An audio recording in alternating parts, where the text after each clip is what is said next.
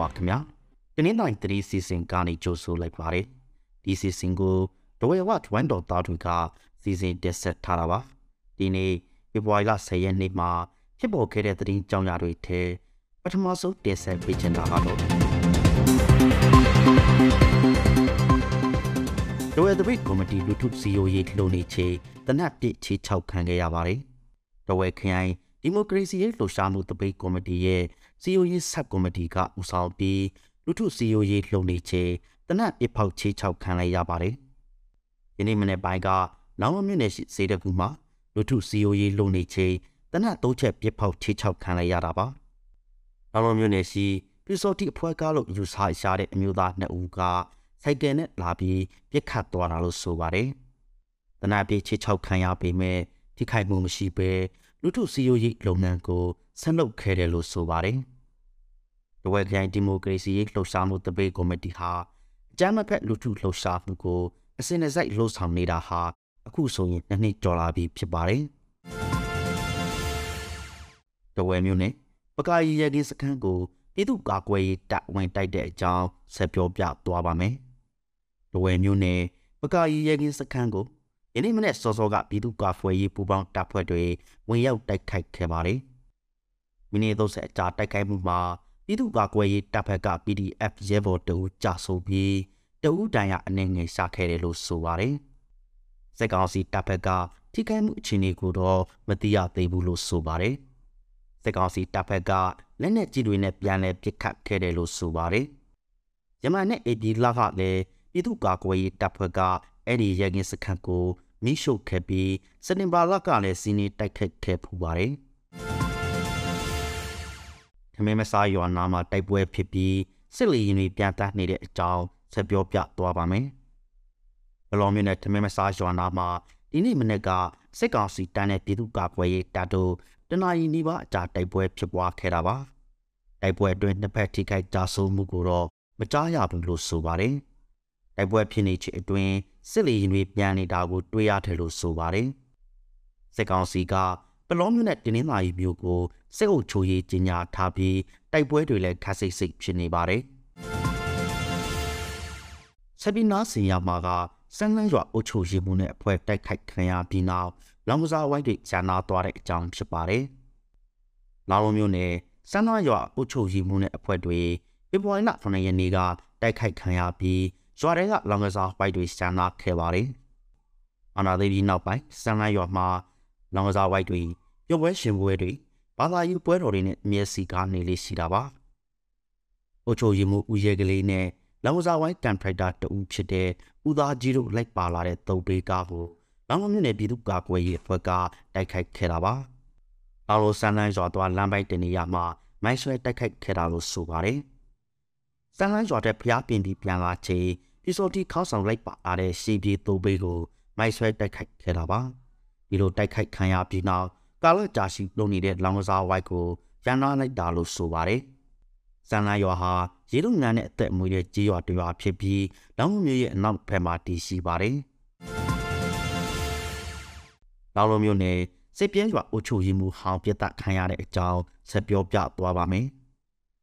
လောင်လိုမျိုးနဲ့စစ်ပြဲကျွော်အုပ်စုအုပ်ချုပ်ရေးမှူးဟောင်းဦးသားလေးဟာမနေ့ကပြစ်ဒဏ်ခံလိုက်ရပါတယ်။ စစ်ပြဲရွာအနောက်ပိုင်းစီနာကသူ့နေအိမ်မှာပဲပြစ်ဒဏ်ခံရတာလို့ဆိုပါတယ်။ဦးသားလေးဟာ NLD အစိုးရလက်ထက်ကစစ်ပြဲကျွော်အုပ်စုအုပ်ချုပ်ရေးမှူးအဖြစ်တာဝန်ယူခဲ့သူဖြစ်ပြီးအာဏာသိမ်းပြီးနောက်ပိုင်းဆက်မလုပ်တော့ဘူးလို့ဆိုပါတယ်။ဦးသားလေးဟာရွာမှာမနေပဲတေးရှောင်နေတာတနည်းလောက်ရှိပြီဖြစ်ပြီးအခုမှရွာကိုပြန်ရောက်နေတာလို့ဆိုပါတယ်။ဦးသားလေးကိုလောင်းမြို့နယ်ပြည်သူ့ကာကွယ်ရေးအဖွဲ့ကပြစ်တက်ခဲ့တယ်လို့ထုတ်ပြန်ထားပါတယ်။ ဦးသားလေးဟာစစ်ကောင်စီသူတို့ပြစောတိအဖွဲ့ဝင်ဖြစ်တယ်လို့ထုတ်ပြန်ချက်ကဆိုပါတယ်။ဒါပြင်စစ်ကောင်စီကဖမ်းဆီးသိမ်းဆည်းထားတဲ့ဆိုင်ကယ်တွေကိုရောင်းချတာတက်ကြွလှုပ်ရှားသူတွေကိုတရင်ပေးဖမ်းခိုက်တာနဲ့စစ်ကောင်စီတပ်ဖွဲ့နဲ့ပူးပေါင်းတွာလာတာလို့လို့ရှင်းလင်းခဲ့တာလို့ဆိုပါတယ်။လောင်လုံးမျိုးပေါ်မှာလည်းအသက်ကြီးပိုင်းအမျိုးသားတဦးဒီနေ့ပြစ်ဒဏ်ခံလိုက်ရပါတယ်။လောင်လုံးမျိုးပေါ်ကငယ်ရက်ကွက်မှာနေတဲ့ အသက်84နှစ်အရွယ်ဦးမောင်ဝေပြစ်ဒဏ်ခံရတာပါ။လက်နက်ကန်မျိုးသား6ဦးလောက်က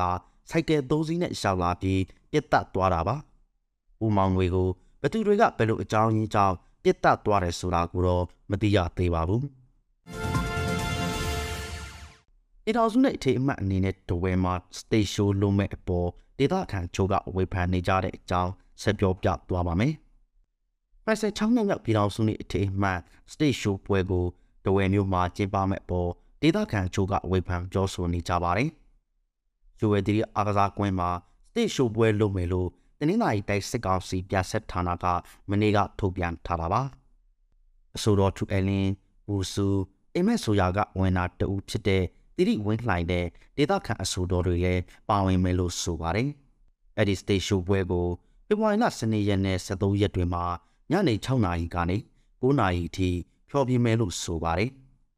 တစ်ဖက်မှာလည်းစစ်ကောင်စီကည10နာရီကနေမနေ့4နာရီအထိညမထွက်ရအမိန့်ထုတ်ထားပါတယ်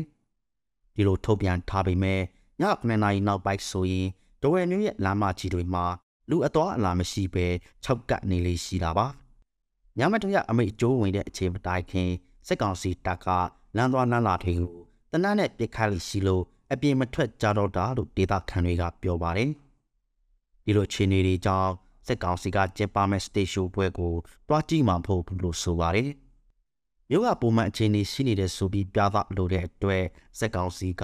ပျော်ပွဲရှင်ပွဲတွေကိုမကြာခဏကျင်းပနေတာဖြစ်တယ်လို့မြို့ခံတွေကပြောပါတယ်။အိုဘီကချောင်းတော်ကြွားသားနှစ်ဦးကိုလက်နက်ကင်အဖွဲ့တစ်ခုကဖမ်းခေါ်သွားတဲ့အကြောင်းဆက်ပြောပြပါမယ်။ဒီကြီးမိုင်နိုင်မျိုး ချောင်းမော်ရွာနီအမျိုးသားနှစ်ဦးကိုလက်နက်ကင်တူတစုကဖေဖော်ဝါရီလ10ရက်ညမှာဖမ်းဆီးခေါ်ဆောင်သွားတာပါ။အသက်50ကျော်အရွယ်ဦးထွန်းလင်းနဲ့အသက်40ကျော်ရွယ်ဦးစိုးကိုနေအိမ်မှာလာရောက်ဖမ်းဆီးခဲ့တာပါသူတို့နှစ်ဦးဟာယနေ့မနေ့ပိုင်းထိပြန်မလွတ်လာသေးတယ်လို့တည်င်းလည်းမကြားရဘူးလို့ဆိုပါတယ်အဖခံရသူနှစ်ဦးဟာဥယျာဉ်ချလုတ်ကိုက်ချပြီးသူတို့ကိုဘယ်ဘက်ကဘယ်လိုအကြောင်းရင်းကြောင့်ဖမ်းဆီးသွားတယ်ဆိုတာကိုလည်းမသိရသေးပါဘူး ချောင်းမွန်ရွာဟာမြေကော်တော်ပြည်တော်စုလမ်းမပေါ်မှာရှိပြီး H150 ကျော်ရှိပါတယ်။ဒီပေါ်9ရက်ညကလည်းပြည်ကြီးမန်နိုင်မြို့ထင်းမယ်ရွာနီရက်စခန်းမှုဟောင်းတဲ့တရားသားတအူကိုလက်နက်တဲ့အဖွဲ့တစ်ခုကဖမ်းဆီးသွားပါတယ်။ဖမ်းဆီးပြီးနောက်ပိုင်းတရားသားကိုပြန်လှော့ပေးခဲ့ပေမဲ့ရက်စခန်းမှုဟောင်းကတော့အတခံလိုက်ရပါတယ်။